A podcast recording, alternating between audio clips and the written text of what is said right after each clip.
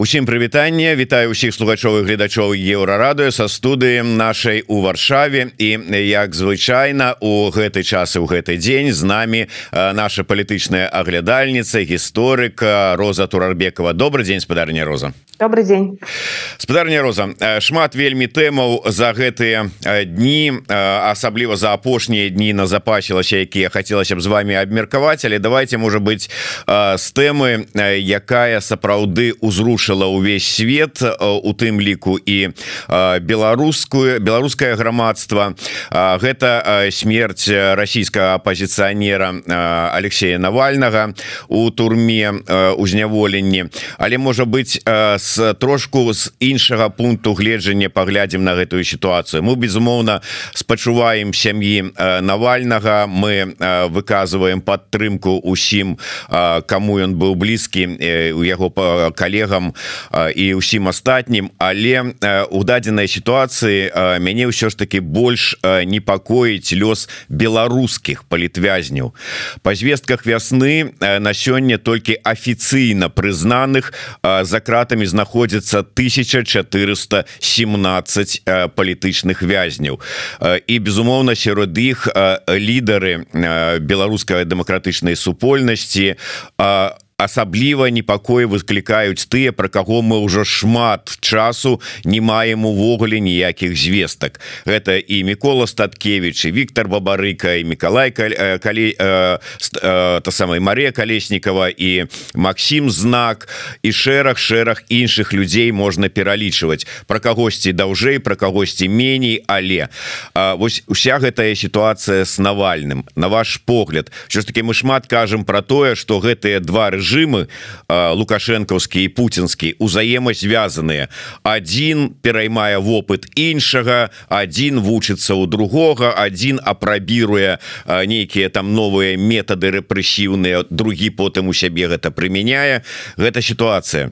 Наколькі яна небяспечная ці ну вот як вы и оцениваете у звязку с беларускай ситуацией Ну она действительно очень э, опасная для наших политзаключенных опасна она не э, она и была опасной и у нас много политзаключенных находится буквально на грани да? А, в тяжелом физич в тяжелом э, состоянии э, здоровья и некоторые политзаключенные уже умерли их довели до этого. Вот. Но проблема с навальным заключается в том что если это останется безнаказанным если россия и в частности путинский режим не понесут хоть какую-то ответственность за это да то я боюсь что вот это как там да ящик пандоры открывается вот. И это может да повлечь за собой в том числе и э, соблазн применения э, такого же инструмента. Хотя я все-таки надеюсь на то, что этого не произойдет, то есть вот намеренное да, убийство, намеренное отравление, там, по некоторым да, сведениям, э,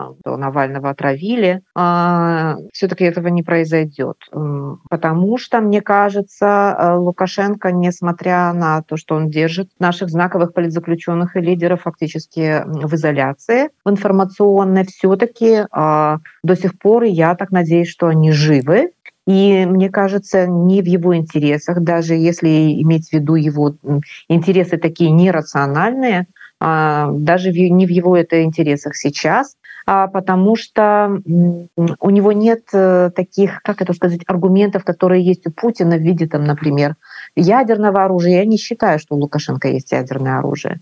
А за ним не стоит стотысячная армия, а вот, за ним не стоит э, огромное количество ресурсов. В общем и целом-то ему особо и тягаться, и биться не с чем, как говорится. Вот. Понятно, что он все пытается прятаться за спиной у Путина, но когда дело дойдет до дела, понимаете, каждый сам за себя. Вот когда сам за себя, я думаю, он знает, что такое сам за себя. Когда сам за себя, так особо у него и нечем, а, ему нечем крыть. В этой связи я надеюсь, что все-таки это произойдет, э, это, этого не произойдет. И если это произойдет, то это, конечно, будет э, именно э, результат попустительства в отношении убийства Навального? Такой ответ. У меня, к сожалению, нет каких-то прям оригинальных ответов. То, что сказала Светлана Тихановская, я с ней абсолютно согласна, что если не будет наказан Путин и путинский режим не почувствует всю тяжесть ответственности за убийство Навального, то это может? Это чревато. Это это действительно чревато.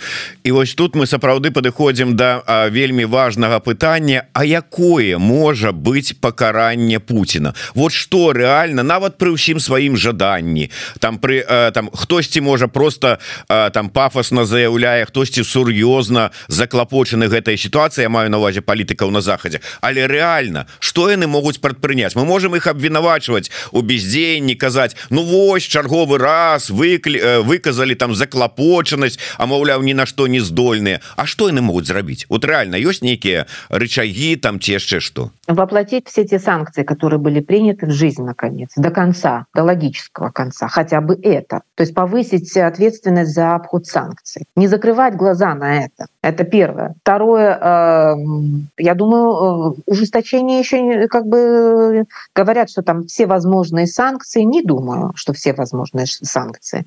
Достаточно много как бы еще есть э, каналов и там а, и торговли, которая бы могла бы остановить, э, ну хотя бы в этом смысле, да, там, войну вряд ли, но хотя бы в этом смысле.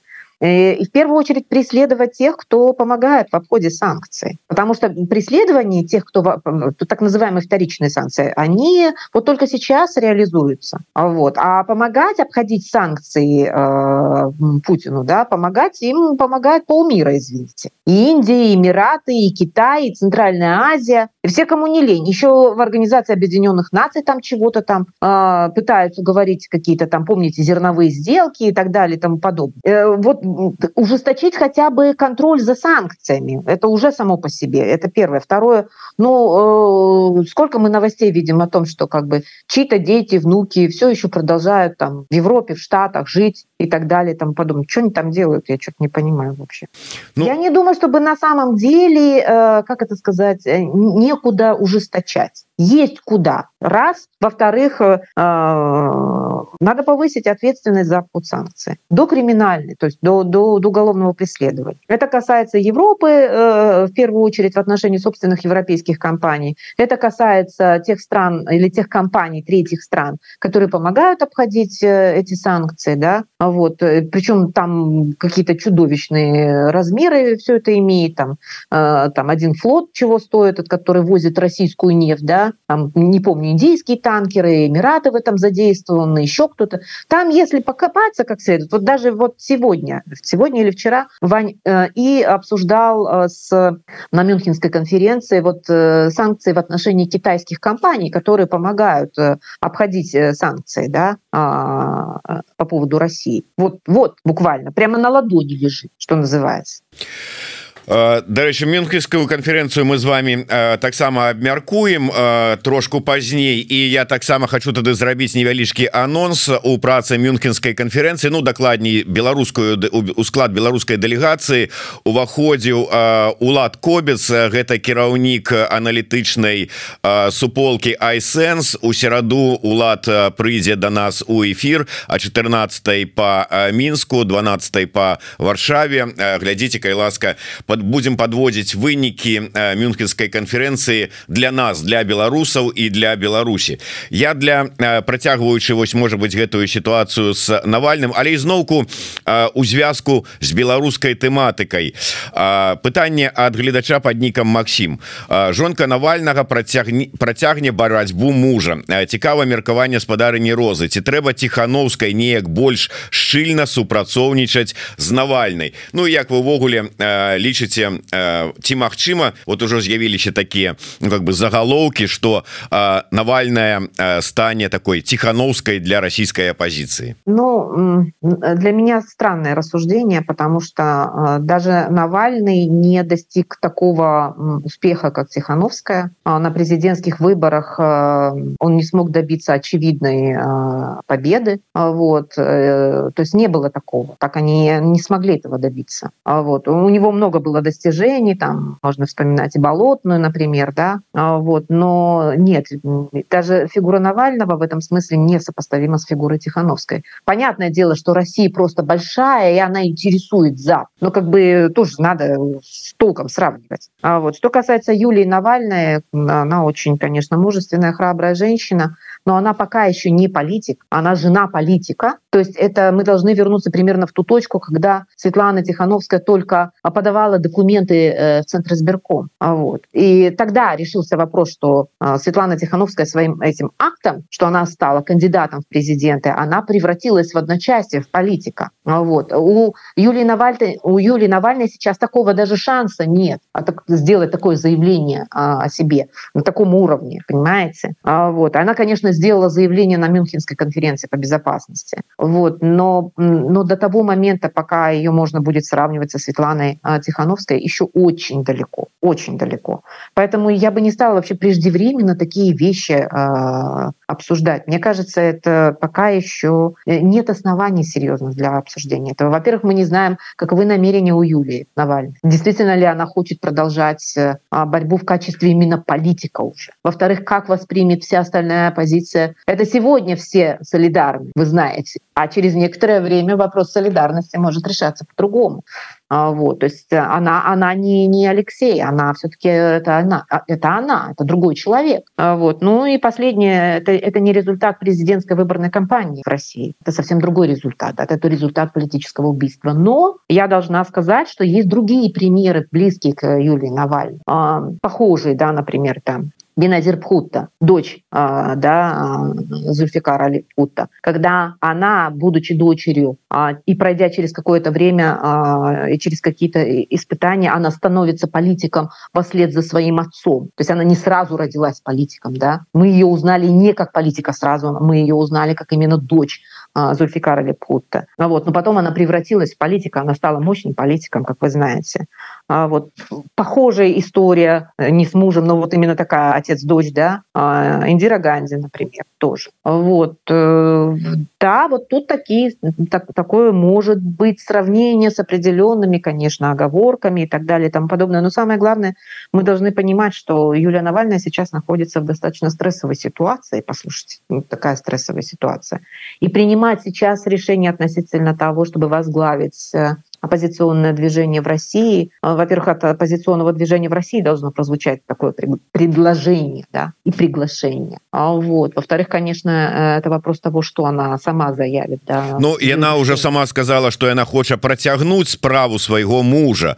Але з іншага боку, сапраўды, вот вы э, правду кажете у тым сэнсе, что яна там можа сказать, что я буду протягивать справу мужа, але российская оппозиция, она ж так сама такая не монолитная и э, ці скажуць яны о добра мы как бы так ну как бы прымаем цябе у якости адзінага лидера российской оппозиции то есть это, это следующий шаг это тогда когда если уже сравнивать да когда был создан объединенный штаб когда цепкала и колесникова приехали к тихохановской и трио они выступили трио в первую очередь и тогда тихохановская выступила в качестве единого кандидата да демократических сил тогда еще не назывались демократ просто объединенный штаб да вот то есть э, это все как бы институционально. Сейчас нам, нам, нам кажется, что это чуть не естественно произошло. Но мы же должны понимать, что за каждым шагом было определенное решение. Либо ее, либо ее соратников, либо э, ее союзников. То есть это не, не, не, не единоличная, а, как это сказать, карьера Тихановской, например. Это в целом движение, а, белорусское демократическое движение в целом, в общем. Она наш символ, она наш лидер. Она не сразу таковым стала. Но слушайте, надо помнить об этом. Это не, не просто как бы там,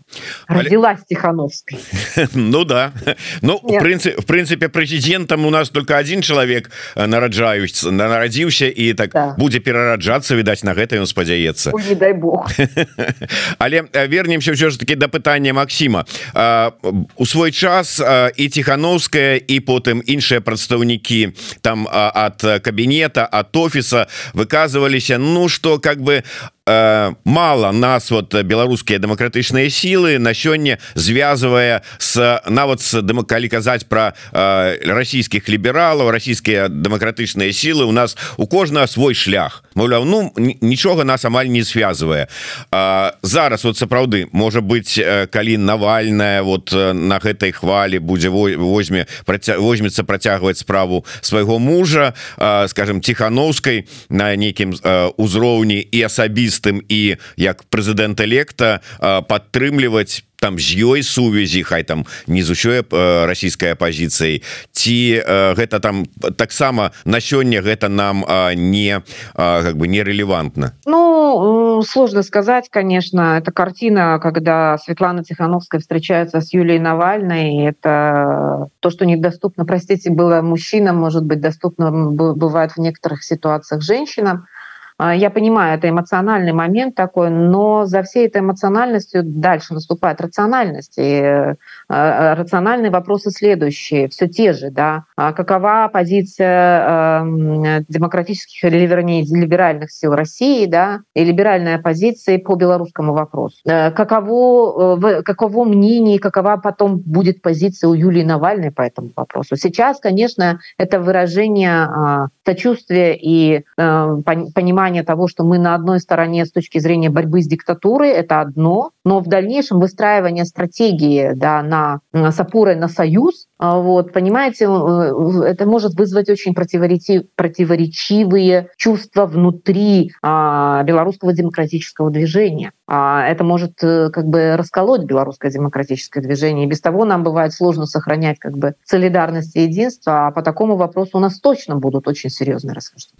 Ну и может быть на завершэнне гэтай тэмы бо шмат іншых яшчэ э, я тут заўчора здаецца глядзеў інтэрв'ю расійскага палітолага пастухова які сказаў что смерць навальнага стане таким переломным момантам для России Хай не вот прямо зараз але у нейкай перспектыве у нейкай будучай але гэта зменіць нейкім чынам России вы верыце что менавіта гэтае забойство навальнага там ці прамое ці ускоснае але забойство яно ўсё ж таки стане нейкай переломнай датай дзеяй для России і як гэтая переломнасць у России можа паўплываць на Беларусь плане репрессий или в плане э, подъема э, антипутинского как бы движения? я так я так зразумеў что э, может быть у плане зменаў потым у России якія может быть там отбудутся вот за гэтай гэтага забойства что ўсё ж таки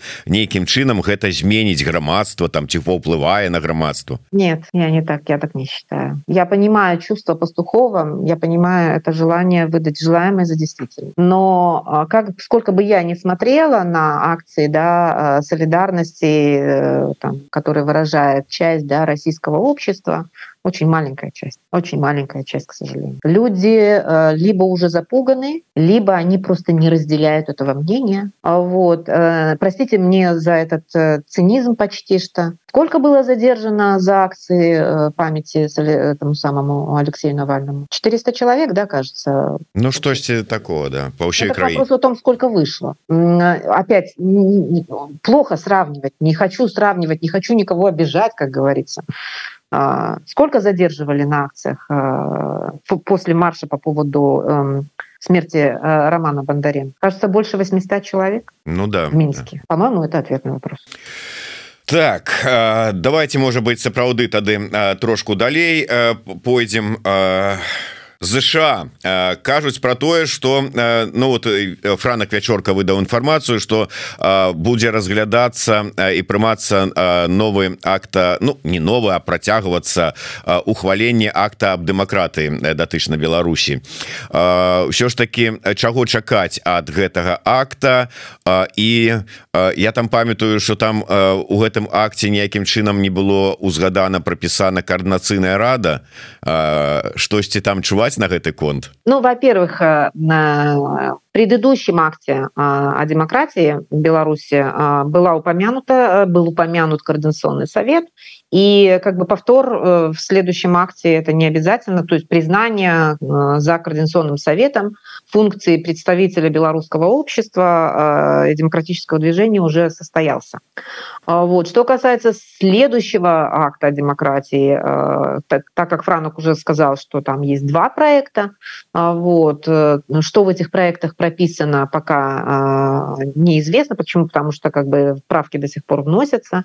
Будет ли внесен, внесен Координационный совет и что там будет, сложно сказать. Э, я надеюсь, что в этом акте э, о демократии будет э, повышен уровень там, представительства, или вернее будет признан, будут признаны белорусские демократические силы в качестве акторов, с которыми ведутся те или иные там переговоры. Это первое. Второе, что будут поддерживаться и, и медиа независимые, и усилия белорусского демократического общества по укреплению белорусской национальной идентичности – вот, что э, будет признано, что белорусский язык и белорусская культура на сегодняшний день подвергаются очень э, серьезным репрессиям внутри страны, внутри Республики Беларусь, там, что будет возложена там ответственность за это на режим Лукашенко и так далее и тому подобное. То есть это э, помимо политзаключенных, нарушений прав человека, это в первую очередь. Это должно, я думаю, оно там и будет идти в первую очередь.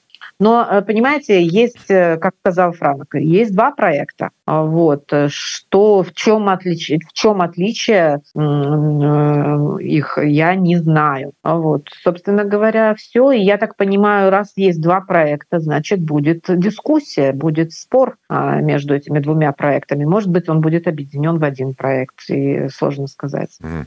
Ну, тут... Видимо, э, процедура просто сама, принятие процедуры, принятие а, этого акта, а, скорее всего, в этой связи будет немножко затянут. Мне так кажется. Ага. Потому что тут вот э, піша глядач под ником Матахары что чуваць на корт на конт коорднацыйнай рады у ЗША ходзяць плётки об дыскрэдытацыі структуры э, Ну плётки розныя ходзяць об дыскрэдытацыі структуры Дарэчы як там структура и дыскрэдытацыя все идет на своим чередом стратегический диалог диалог начинается. Координационный совет там представлен широко, как и было с делегацией Координационного совета Вашингтон при запуске стратегического диалога, так и далее при формировании рабочих групп. Я так думаю, что Координационный совет будет представлен. Дискредитации Координационного совета я не знаю, мне кажется, американцам вообще-то а, они, э, как это сказать, они не, не, не так внимательно следят за этим, или вернее, они следят за этим, но не принимают так прямо во внимание. Вот. Ну, опять разгон темы, что называется. Ну, у нас другие задачи. Нам выбирать, нам со схемой выборов надо определиться, и выборы провести надо. Вот это да, это, это как бы наше дело.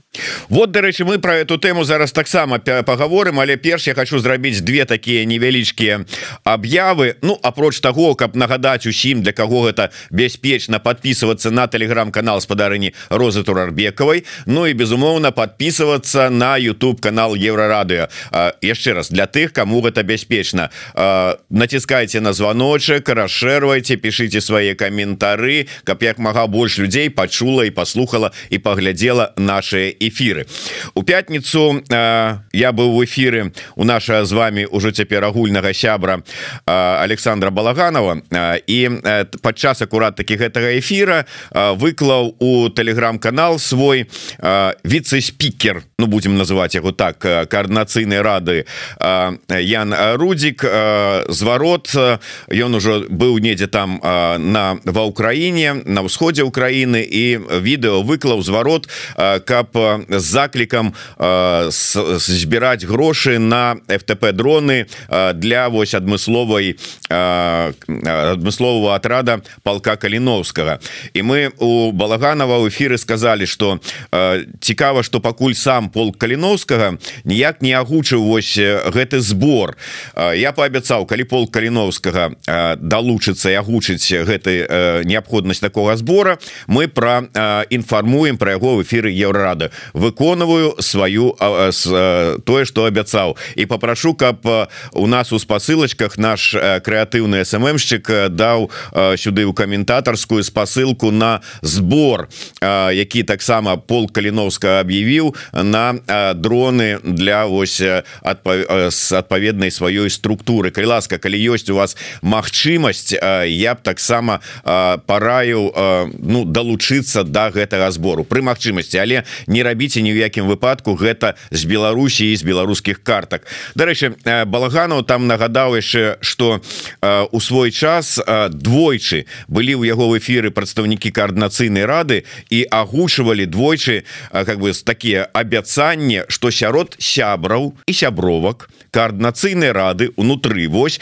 яны таксама правядуць збор і купяць некалькі дронаў. Кажа я не ведаю можа і праводзілі але вот э, ніхто не сказаў что такое вось абяцанне было выкананае і гэтыя дроны ад коаардынацыйнай рады дзе так і написано на іх было б от КР э, там нішчыць акупантаў э, что былі э, набытыя і адпраўленыя. Так что рудзік пракантралюй каб выконваліся ўсё ж таки абяцанні і дарэчы спадарня роза вяртаючыся до этой ситуации. Яшчэ ў пятніцу мне сказали что павінна вось-вось яшчэ ў пятніцу вечарам быть выкладзеная канчатковая версія сістэмы правядзення выбораў Маўляў ужо атрымалі ўзгадненне ад офіса от кабінета ад усіх і будзе выкладзеная пятница вечар суббота нядзеля понедзелак нічога нідзе не бачу. Что адбываецца пока еще нет решения не шмат не шматслоўная спадарыня роза. Когда будет решение тогда и будет комментарий. Я думаю как только будет решение вернее как будет э, согласовано окончательно решение потому что мы тоже тоже тоже что вы слышите то слышим и мы. Э, нам то же самое говорится потому что наши представители в группе в этой а, они э, ведут переговоры от нашего имени, но мы же не, не онлайн сидим, смотрим. Тоже было сказано, либо в пятницу, либо в понедельник. Вот последняя новость была, что все-таки в понедельник будет решен окончательно ваш вопрос, вернее, согласован окончательно. И вот э, я даже специально задавала вопрос, что мне вообще на, в эфир идти, отвечать-то. Я же точно знаю, что вы меня спросите. Мне было сказано понедельник. Э, пишу, как спрашиваю, когда в понедельник? Когда в понедельник пока не было ответа. Было сказано в понедельник. Как знаете, понедельник большой. Мы с вами сейчас еще только в середине понедельника находимся. Надеюсь, что у вас, я думаю, как только будет информация, вы сразу узнаете как и я. Ну бачыце мне такое і ў пятницу сказали. Я кажу дайте якую-нибудь инсайдерскую информацию что там Она с квотами? это правда. Мне сказали Но... ну почакай вот у пятницу вечером ну пару гадзінак яшчэ все будешь ведать вот уже ладно. Тады раблю анонс. А 19 по мінску а 15 а 17 по варшаве у нас у эфиры будуць дэбаты Александра кныровича и Андрея курейчика. А, Так что э, я спадзяюся это я зараз вяртаюся до тых усіх у коаардынацыйнай радзе ад каго залежыць калі выкладаць вось ўсё ж таки канчатковы варыянт гэтай сістэмы выбараў каб мы паспелі з ёй знаёміцца калі до да гэтага часу не будзе выкладзена Ох пройдемся мы там пройдемся па ўсіх вас. Так что майце на увазе спадарня роза яшчэ одна міжнародная такая навіна. Міністр замежных спраў краінаў ЕС узнімуць пытанне рэпрэсій у Беларусі Ну гучыць прыгожа Але что по выніку вот чего вы чакаете согласование позиции может быть усиление санкций. Они же там какой-то пакет э, там должны были принять опять там палки в колеса какие-то. А вот э, как они как они еще усилия могут э, объединить относительно прекращения репрессий и вызволения политзаключенных? Я не знаю. Давайте подождем посмотрим. Но то есть да кроме выражения как это сказать заклопоченности. Да точно. Вот. Не знаю, не, не, не могу сказать, э, потому что э, как бы там размах на рубль, а удар там на копейку, да, вот примерно так пока все это мне видится. Потому что, ну, вы видите, какой страх и ужас происходит сейчас в Беларуси. Опять наша наши новости, они на заднем плане, к счастью, вот хотя бы министры иностранных дел Европейского Союза, да, будут это обсуждать, потому что это не пусть простят меня россияне, но это не даже не единичный случай, пускай даже с такой фигурой, как Алексей Навальный, у нас же там людей вообще, извините меня, десятками, сотнями хватают, э, стариков и детей, и многодетных матерей, и родственников политзаключенных, и ученых, как говорится, списками шлют 155 человек только на БГУ э, по уголовным делам. То есть, ну, как бы в разнос пошли уже. То есть до такого, до такого размаха репрессий России еще идти, идти. Я им не желаю этого. Но я к тому, что сопоставить это даже невозможно. А вот. Как бы э, я не знаю, какие должны быть адекватные меры э, или адекватная реакция со стороны Европейского Союза, чтобы это возымело какой-то эффект. Не знаю просто. Я до сих пор ну, вот для себя не, а, не, не могу это как-то сформулировать в голове.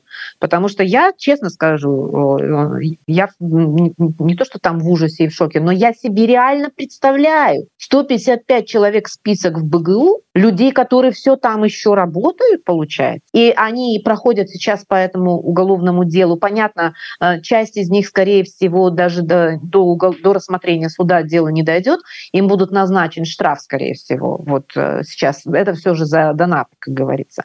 Но э, может случиться и так, что и как бы и дело и до суда дойдет. Это не, не, не 10, не 20, э, не 1, не 5, 155, только БГУ. Э, это мы еще не знаем, какое количество пришло такого же списка в отношении БНТУ и всех остальных крупных вузов. Я уверена, что Следственный комитет отправляет такие же записки во все остальные вузы. Просто так случилось, что мы узнали про БГУ.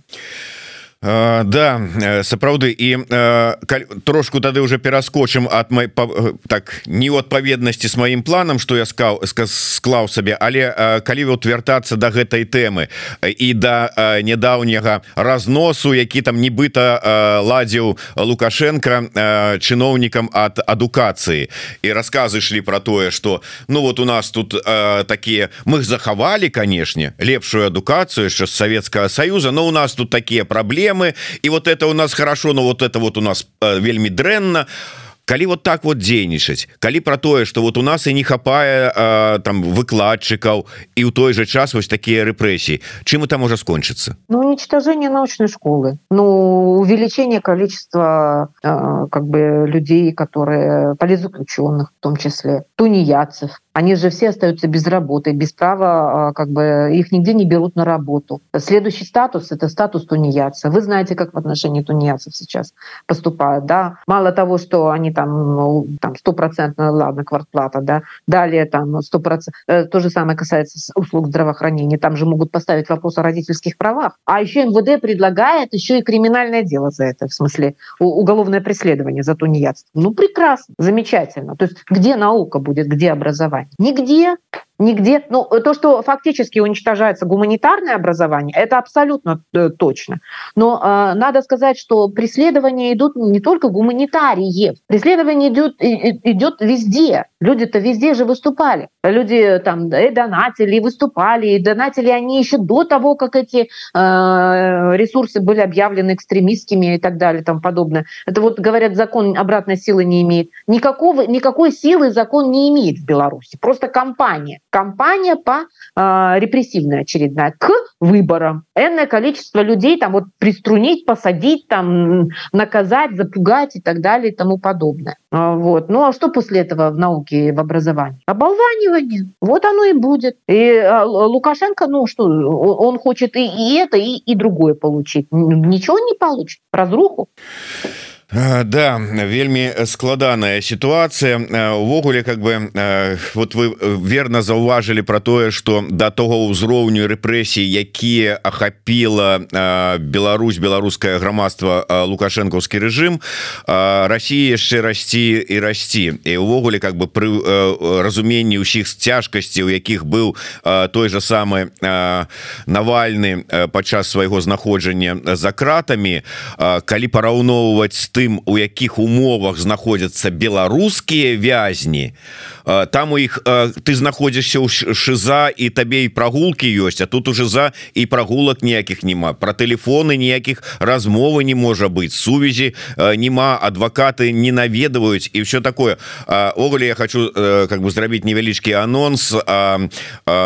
14 гадзіне по варшаве 16 гадзіне по мінску у нас у эфиры будзе цяпер уже Дякуй Богу былая палітзняволеная блогерка Вольга такарчук якая расскажа больш падрабязна про тое у якіх умовах знаходзяцца вязні асабліва палітычныя вязні у беларускіх вязніцах я хацеў бы яшчэ звярнуцца до того да ну троху міжнародная але унутраная такая ситуация і звязаная яна с незразумелай позіцыяй палітыкаў Сербіі і Словакіі адны там кажуць что трэба аднавіць супрацу парламентаў вот с беларускім і расійскім парламентам другие таксама кажуць что трэба неяк там умоўно кажучы перагарнуць старон рахунку гэта такі сімптом пачатак працэсу спробы перагарнуць старонку ва ўсіх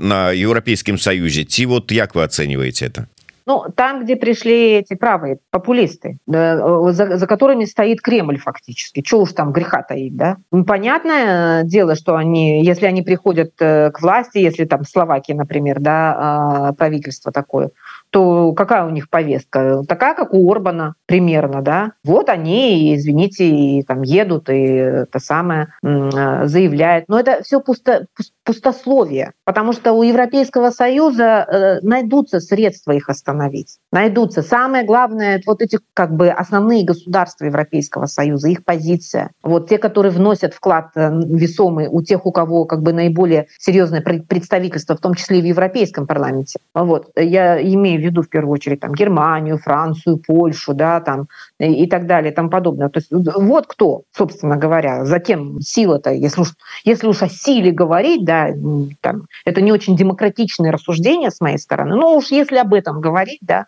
как Орбана, а, ну, он же согласен теперь на, и на вступление Украины в Европейский Союз, и на предоставление помощи. Как ему, ему же руки вывернули. Ему, ему же долго намекали, не делай так, не ходи туда, снег, да, башка упадет. Ну, нет, он все равно пошел. Ну, вывернули ему ручки один раз и второй раз. Але глядите, ну, зараз... говорили, я не знаю. Але, я, думаю, я выбачаюсь, спадарыня Роза, але вот, ну, нейкую ж силу за собой яны адчуваюць, что дае им смелости. Вот зараз приехали э, сенаторы из США, абодвух палат і вот ар арбаністы гэтыя адмовіліся з імі сустракацца просто-напросто Но вы же знаете, какая внешняя политика у партии Орбана, да?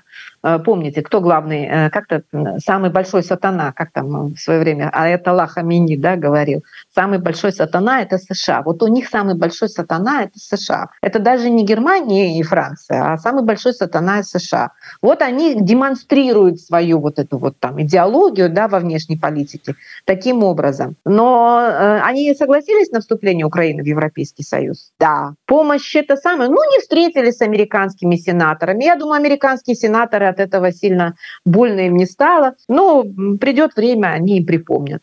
Потому что в мире политики тоже ничего не забывается. Это мы с вами сегодня обсудили, завтра уже а, забыли. А вот те, которые как бы были там задействованы, оскорблены и обижены, они, как правило, не забывают при любом удобном другом случае они что-то делают. Но другое дело целесообразно. Да, целесообразно ли сейчас там как бы э, мстить им, да, условно говоря. Нецелесообразно. Венгрия достаточно послушная. А вот то же самое будет касаться и Словакии, я уверена в этом. Иначе их выкинут из Европейского Союза. До свидания, и все. И они не будут получать ни субсидий, ни доступа к рынку, ни вообще останутся в изоляции такой. А у Словакии экономика ну, небольшая, прямо скажем. Ну, вот. Mm. Ну, там кто там еще? Сербия, да, Босния и Герцеговина. Да. Я не хотела бы вот снобистски оценивать эту ситуацию, но это, ну, это же не главные э, акторы в Европе. Э, с ними справятся. Другое дело, что они подрывают, да, вот они призваны подрывать единство рядов Европейского Союза. Понятно. Над этим очень долго работает Кремль. Это все стоит денег, в том числе и Кремлю. А вот Лукашенко пытается тоже, как это, хоть что-то что-то с этого дела получить. Может быть, что-то и получит, но в целом нет, диалога не будет. Э, ну вот глядь але ж ўсё ж таки э, хай такая вось э, ну как бы скажем так не не першыя ли асобы краінаў Еўросаюза але ж прыязджаюць он той же самый додзік прасці Господи конечно вот но прыехаў сустрэўся с лукашенком. Той яго сказаў что вы прыехали к сваім друзьям і вот зараз вот пачынаюцца А вот с, с, с дробнага с маленькага можа быть і пачынаецца такое вот открыванне дзверы ў Европу. Ну Сиярта тоже ездил. Я имею в виду министра иностранных дел Венгрии. Результат то же самое попытки найти там посредников найти дорогу в Берлин или там в Брюссель они будут э, осуществляться. Э, министру иностранных дел Беларуси надо это делать потому что я так понимаю там периодически э, э накручивание идет. Ну как Лукашенко про, про образование про вузы сказал да? Вот надо сохранить но в то же время надо чтобы были лояльны реальные. И вот как это все совместить? С одной стороны, людей выкидывают десятками, сотнями на улицу, да, профессоров и доцентов, а с другой стороны сохрани. Вот, ну вот, я думаю, что к министру иностранных дел Беларуси такая же э, как бы задача и претензия. Ты с одной стороны это самое, а с другой стороны, пожалуйста, начинать диалог с Европейским Союзом. Ну ему же надо что-то демонстрировать. Ну вот, вот, слава тебе, Господи, согласились какие-то там сербы, там, э, боснии, боснийцы, там, еще кто-то там приехать, да. Э, э, ну вот, они изображают, что у них внешняя политика, что они подрывают Европу изнутри, что как бы все все со временем утрясется. Ну, это тоже пропагандистский шаг. А вот так на это надо смотреть. Но кроме ля-ля-ля, что еще? Что есть? Ничего нету. Ничего нету. Документы где? Вот что они принимают, к чему-то они э, как бы э, приходят. Помогает ли им Словакия снять э, э санкции? Помогает, э, отдает такие обещания снять санкции на колейные удобрения? Нет, знает, что не смогут. А вот э, вставить палки в колеса при принятии нового пакета санкций могут. Но снять санкции уже принятые не могут. Да, тут есть такая проблема. Да ўнутранага выступаў швед які робіць выгляд што ён генеральны прокурор Беларусі і заявіў пра намерці гатоўнасць пазбаўляць апанентаў рэжыма грамадзянства.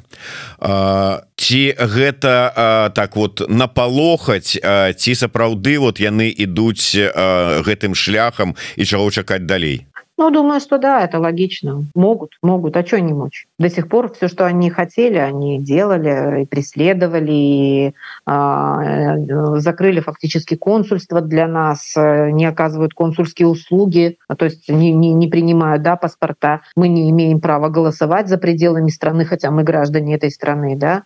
Э, заочно уголовно преследуют там уже сотни людей, вот, арестовывают собственность в нарушении всех законов, э, даже если на, терри... как бы э, на, на площади, да, на а, этой жилой площади прописаны несовершеннолетние дети, вот, хотя они не имеют права, они точно знают, что они не имеют права это делать. Вот, ну, как бы иногда не до законов, теперь всегда не до законов. Поэтому то, что говорит швед, я ну, почему? Вполне возможно, вполне. Я думаю, они как бы теперь демонстрируют, и к 2025 2025 году им же нужно, они же креативят, да, им же надо что-то еще предложить в качестве подарка на стол президенту. Вот еще один подарок. Дарэчы выйшлі э, на фінішную праму э, такую прамую э, падрыхтаваўшыся ўжо да усе э, беларускага э, ну вот сухоечы там со слова у качанавай та э, походу на, на да буфетаў выбарчых участкаў да дня адзінага галасавання э, чаго чакаеце все ж таки э, у гэтыя дні? Ну э, там все гэтыя кубраковы і э, усе астатнія яны рыхтуюцца невядома да чаго там прапрацоўваюць як будуць супрадзейнічаць подпалам людзей на выбарчых участках там яшчэ нейкім тэрактам все такое. Вы чакаеце что на нейкім участку у якіх-нибудь я не ведаю лельчыцах з-за нейкага конфликта пачнецца грамадзянская война войну почему бы и нет то есть как бы ну, срежиссируют, они же это вот этим только и занимаются, и изобретают угрозы, и режиссируют их, спектакли нам устраивают, да. А вот. Может и такое быть. А может и не будет такого, и отчитаются, что они предотвратили, профилактику провели блестяще провели выборы. Ура победа! Наконец у нас там демократические всенародно избранные что-то там палата представителей. Вот и местные а, советы. Может быть и так а может и изобразить где-нибудь что-нибудь там образцово-показательную операцию по ликвидации каких-нибудь экстремистов террористов вот которые там задумали недоброе против народа Беларуси на избирательном участке. Вот. Э, опасная, конечно, история со всеми этими ну, накручиванием, нагнетанием, истерия фактически. Да. Э, в общем и целом военная операция под названием «Выборы 2024» проводится. Ну, э, суцельные операции, как вось это, как бы там контртэрарыстычная аперацыя як спачатку это назвалі у тых же самых э, лельчыцах напрыканцы тыдня потым лукашенко выступаў і сказаў чекістка военная операция конечно потому что контртеррористическая звучит как-то подозрительно по-западному понимаете а вот так как он сказал вот это по-нашему а вот чекистка вот это вот вот да а контртеррористическая понимать почти как американцы ну разве же это дело у нас свои есть для этого слова Чекистка, какая вы сказали? Чекистка военная. О, чекистка военная. Вот, видите? Аутентичная такая, как это, клининг языка называется. Ну да, это у нас же свой шлях во всем. Ну да, да, свой.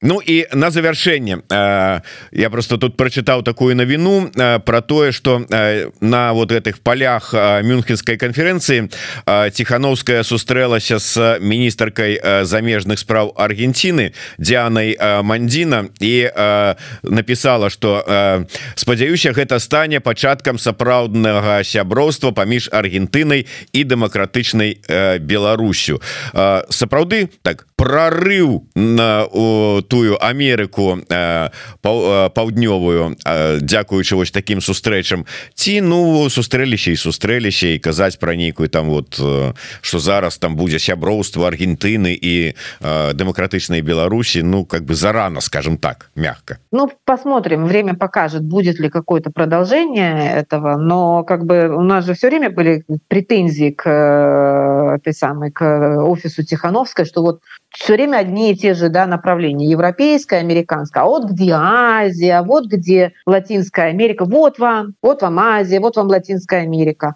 А у Аргентины, э, вернее, у белорусско-аргентинских отношений, как вы знаете, достаточно богатый потенциал, а, э, тем более, что как бы есть наследие определенное этих отношений. Я надеюсь, что это тоже может повлиять. А другое дело, как бы, насколько сумеет э, или насколько это может получиться, я имею в виду продолжение этих отношений. Но в целом я считаю, что эта новость отличная, позитивная, почему бы и нет. Ну что ж Дякую вялікі спадарэння Роза яшчэ раз нагадаю першае подписывайтеся на телеграм канал Розы турарбекавай для тых кому это бяспечна не забывайте подписываться на YouTube канал еврорада ставьте свои падабайки расшервайте пишите комментары Ну и нагадаю что праз гадзіну а 14 по варшаве 16 по мінску у нас у эфиры былая палідзняволеная блогерша Вольга такарчук а 17 17 по варшаве 19 по мінску дэбаты прысвечаныя коорднацыйнай раде і ўсё что з гэтым звязаныя паміж александром кныровичам і андреем курэйчыкам так что э, долучайтеся і задавайте свае пытанні до сустрэчы жыве Беларусь